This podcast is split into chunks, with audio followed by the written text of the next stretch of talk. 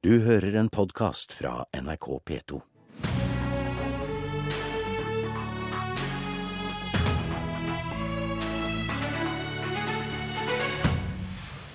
Fire milliarder færre oljekroner, to milliarder flere bistandskroner. I dag legger Arbeiderpartiet fram sitt alternative budsjett. Og vi skal få en oppdatering om hvordan det går i forhandlingene om det ordentlige statsbudsjettet. God morgen, du hører på Politisk kvarter. Mindre skattelette, kutt i oljepengebruken og mer til bistand, det er stikkordene når Arbeiderpartiet i dag legger fram sitt alternative budsjett. Marianne Martinsen, finanspolitisk talsperson i Arbeiderpartiet, ta det siste først. Hvorfor kutta det mindre i bistanden enn det regjeringa gjør? Vi har jo gått med på vi, at eh, noen bistandspenger kan omprioriteres til å hjelpe flyktninger som kommer til Norge. Det er det mulighet til innenfor eh, det internasjonale regelverket som de fleste land er enige om. Men vi mener at regjeringa går altfor langt i sine kutt på en del bistandsposter. Og Det gjelder særlig overfor sivilsamfunn. Eh, store organisasjoner som står sterkt i Norge, som leverer bistand av høy kvalitet, som vi alle kjenner til. F.eks. Folkehjelpa, Care, eh, Røde Kors. Og så mener vi også at de går for langt i å kutte på FN-organisasjonene. Eh, vi har f.eks. viktige programmer som FNs utviklingsprogram, som nærmest har barberte budsjetter nå, og som trenger norsk støtte. Så når regjeringa da kutta 4,5 milliarder, så kutta det bare to. Er dette et form for frieri til sentrum i norsk politikk? Nei, Dette legger vi fram fordi vi mener det er riktig. Som jeg sa, så, så, er vi helt med på å omprioritere noen bistandskroner til flyktninger. Men de postene som regjeringa har mer eller mindre barbert, det er veldig alvorlige poster. Eh, sivilsamfunnet i Norge ville stått nærmest radbrekt igjen hvis dette skulle få flertall. Så ser vi jo at dette er et eh, kontroversielt tema også mellom de partiene som sitter og forhandler om statsbudsjettet. Eh, men dette er et budsjett som vi legger fram på vår kjøl, fordi at vi mener at det er riktig. De må gjerne la seg inspirere av Arbeiderpartiet, det hadde bare vært hyggelig, men, men dette er vårt budsjett. Hans Olav Sivertsen, leder i finanskomiteen og finanspolitisk talsperson for Kristelig Folkeparti. Her kommer vel eh, Arbeiderpartiet med ei utstrakt hånd til KrF. Et kutt på to milliarder, det er rett og slett dobbelt så bra som det regjeringa la fram? Ja, Nå eh, har jo ikke jeg sett hele Arbeiderpartiets alternative budsjett. Eh, det er jo av og til noe med større skrift og noe med mindre skrift, så jeg tar jo det forbeholdet. Men eh, innretningen her er jo en innretning vi har presentert i vårt alternativ. Men nå sitter vi og forhandler med regjeringspartiene. Og jeg tror ikke det er noen stor overraskelse at dette er et tema som ligger på bordet. Og vi har kommet til gode løsninger før sammen med regjeringspartiene. Det håper jeg vi skal gjøre nå også. Men bare for å si ett ord eller to om eh, hva som er viktig med å unngå noen av disse kuttene. Det er f.eks. når en eh, organisasjon gjør et arbeid for å få vannkvalitet og vann til en befolkning. Da gjør man to ting. Man får fram rent vann, som er helseforebyggende også. Og så utdanner man samtidig folk, så de kan ta vare på forsyningen selv etterpå. Den type prosjekter mener vi det er veldig viktig å bevare og ikke kutte, slik eh, opprinnelig budsjett fra regjeringen nå i realiteten legger opp til. Og Det sitter altså nå og forhandler og forsøker å bli enig med regjeringa om et uh, forslag til statsbudsjett. Og, og er spørsmålet om bistand det aller vanskeligste punktet i disse forhandlingene? Jeg skal ikke gå og kvalifisere hva som er eh, vanskelig og ikke vanskelig, men dette er et viktig punkt. Eh, så er det jo andre spørsmål som også er på bordet. For oss er det tidlig innsats i skolen og eh, enslige minstepensjonister, for å nevne to ting. Så jeg skal ikke gradere det, men at bistand har vært og er en viktig del av løsningen på denne, disse forhandlingene, det tror jeg vi kan være enige om. Mm. Svein Flåtten, finanspolitisk talsperson i Høyre. Nå eh, er det jo kommet et stykke i diskusjonene mellom disse fire partiene. og Går det an å si noe om Arbeiderpartiets løsning? på eh, bistandsbudsjettet, altså kutte halvparten av det det gjør. Ligger den der en kan komme fram til en løsning mellom de fire partiene? Nei, Det kan jeg ikke si noe om før jeg har sett helheten hos Arbeiderpartiet. Men eh, jeg synes eh, ikke vi skal kalle dette for kutt på bistandsbudsjettet. For det det dreier seg om, det, det er en, om, en omdisponering. Man bruker pengene hjemme på den flyktningkrisen vi har eh, her. Så det er rett og slett en omdisponering. Og så er det et faktum at også dette er en del av våre forhandlinger, selvsagt. Det er riktig som Syversen sier, jeg kan ikke si noe om hva som kommer ut av det. Men eh, det er veldig viktig å legge vekt på at det kuttes ikke noen ting. Tvert imot, bistandsbudsjettet er økt. Man bruker pengene hjemme i stedet for ute. Sivilsamfunn blir radbrekka, er ikke det et form for kutt? da? Det er, det er betydelige kutt, det er dramatiske kutt. Men det er ikke sånn at man fjerner pengene. Flyktningene i Norge, de som kommer hit, hjelpes her. Og det har vært helt vanlig at man gjør det på denne måten. Og så er det riktig som Martinsen, for så vidt også Syversen, sier at hvor mye man, graden av å bruke penger hjemme, kan selvfølgelig diskuteres. Men dette har vært gjort av regjeringer tidligere. Og det gjøres i andre land, så dette er ikke noe nytt påfunn av oss. Det er rett og slett en annen måte å disponere pengene på. Skjønner. Jeg tror nok disse FN-organisasjonene, eller for den saks skyld sivilsamfunnorganisasjoner i Norge, som opplever store kutt på sine budsjetter, ikke helt kjøper forklaringen om at dette ikke egentlig er kutt. Det er klart at det er kutt for dem som uh, opplever det. Uh, og hører med Siversen også. Er, ja. det, er det omdisponering eller er det, kutt? Det er en omdisponering, det er riktig. Men det som er tilfellet, er jo at den langsiktige bistanden i fattige land blir kraftig redusert. Og jeg tror vi skal høre litt på de Eh, eksperter som også uttaler seg i dagens aviser, som sier at vi er i ferd med å skyte oss selv i foten, i den forstand at det å kutte den langsiktige bistanden også har det ved seg at det kan øke migrasjonen på sikt. Så vi er i hvert fall inne i disse forhandlingene for å få et resultat som vi kan eh, gå ut med, og som ivaretar dette på en, en, bedre måte enn det vi eh, ser i, i, det opprinnelige budsjettet. Og jeg opplever at vi i hvert fall er i fruktbare samtaler akkurat nå. Ja, det bør være en balanse i dette. Det er jeg enig i hva som skjer ute og hjemme. Men det må også være en balanse i de kostnadene vi har i den situasjonen vi har hjemme her i øyeblikket.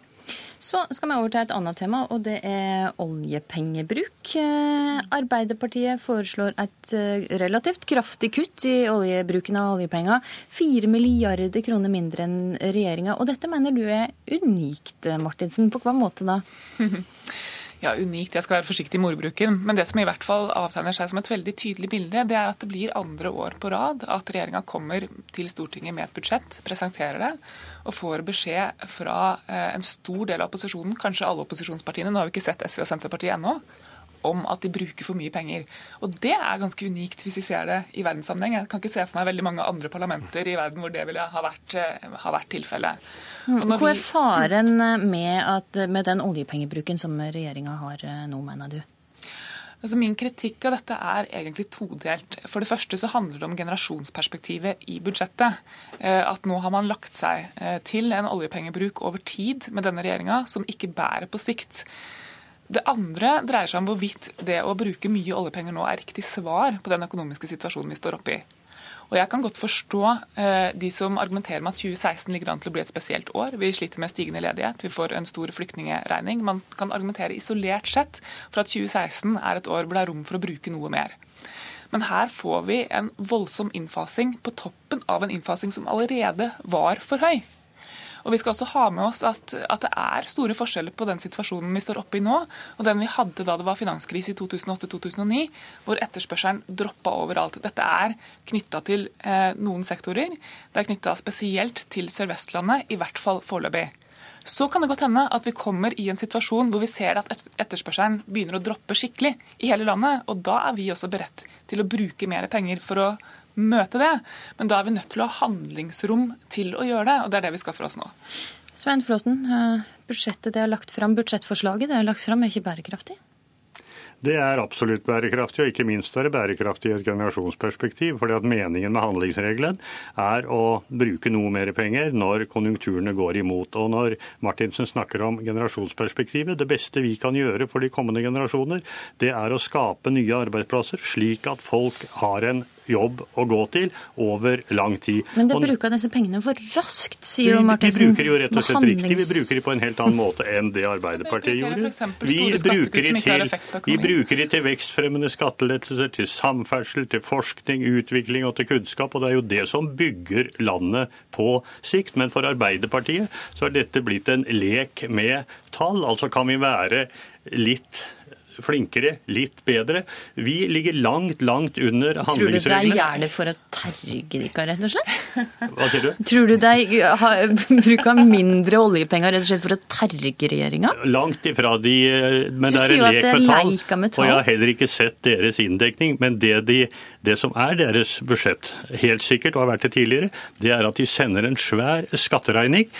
Ikke bare til eh, befolkningen i sin alminnelighet, men også til de som investerer i norske arbeidsplasser. Jeg er ganske sikker på at vi ser et titalls milliarder i belastning for de som skal lage disse arbeidsplassene, for de som skal sørge for at generasjonene har en jobb framover. Der har Martinsen og Arbeiderpartiet en betydelig forklaringsproblem. Og det skal du få svare på, Martinsen. Jeg skal bare først gi ordet ordet til eh, Syversen. Også det å ønske å kutte i Ja, oljepengebruken. vi, vi eh, så på vårt alternative budsjett sammenlignet med det regjeringen først la fram, eh, så gjorde vi det. Jeg har lyst til å si at vi bør skille nå mellom 2016 og det vi ser på sikt. Jeg mener eh, i 2016, slik de økonomiske utsiktene er nå, med økende ledighet og en vilje politisk til å gjøre noe med det, krever at vi også retter inn en innsats eh, for 2016.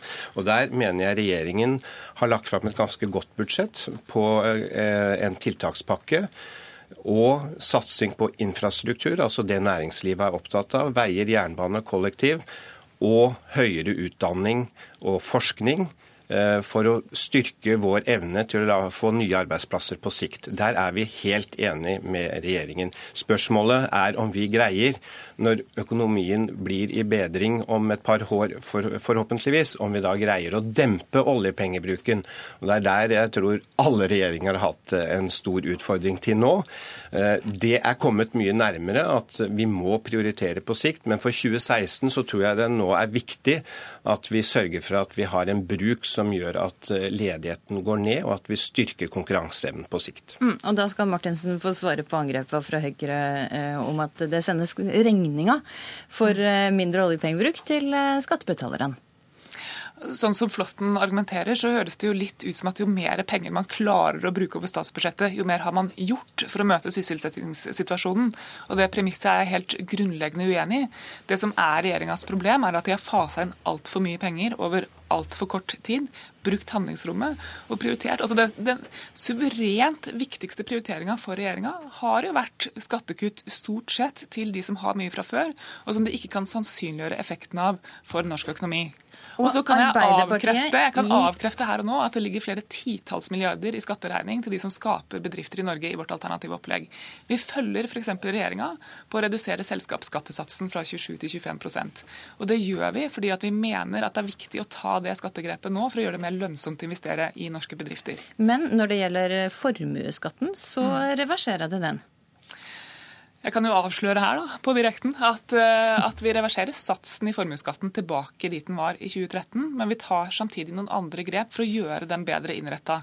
Vi sier f.eks. at vi vil ha lik verdifastsettelse av forskjellige formuesobjekter. Det handler egentlig om at det skal være samme beskatning på næringseiendom på sekundærboliger som det det er eh, ved å investere i bedrift. Det betyr at det blir relativt sett mer attraktivt å investere pengene i bedrifter istedenfor å ha de stående i eiendom. og Det mener vi er eh, bra for norsk næringsliv. Ok, Flåtten. Altså Martinsens eh, teknikaliteter eh, skjuler ikke at hun sender, er en, hun sender en skatteregning til de som skal skape bedrifter i Norge. Men jeg legger til med oljepengebruken. Det vesentlige er hvordan markedet tar imot dette, ikke hvordan Arbeiderpartiet på Stortinget tar imot det. Kronekursen har heller svekket seg enn styrket seg etter at budsjettet ble lagt frem. De fleste økonomer, OECD og andre sier at dette ser ut til å være tilpasset situasjonen i øyeblikket. Og så har man den langsiktige diskusjonen, bærekraften fremover. Og da er jeg helt enig med Hans Olav Syversen. Vi må sørge for å bygge samfunnet nå, også i motgangstider. Og det er det vi gjør. Jeg lova lytterne at vi skulle høre litt om framdrifta i forhandlingene om, eh, om det ordentlige budsjettet. Og etter planen så skulle det være ferdig i dag, men det går ikke helt, eh, Sivertsen. Jeg holdt på å si Vi måtte jo vente på Arbeiderpartiets alternative budsjett, så vi kunne vurdere det. Men eh, det er, det er ikke helt grunnen. Vi, vi er litt på overtid. Eh, Vi må sitte i helga, men vi er innstilt på å jobbe eh, en, og ta en kraftinnsats for å komme i mål om ikke så lenge. Og når tror du at det kan være ferdig, da? Ja, Det er jo som kjent farlig å spå, særlig om framtida. Men når helga er over, så håper jeg vi ser en sluttstrek. Takk for eh, det, Hans Olav Sivertsen, leder i finanskomiteen og finanspolitisk talsperson for KrF, Svein Flåtten, finanspolitisk talsperson for Høyre, og Marianne Martensen for Arbeiderpartiet. Og det var eh, Politisk kvarter. I studio i dag var Astrid Randen.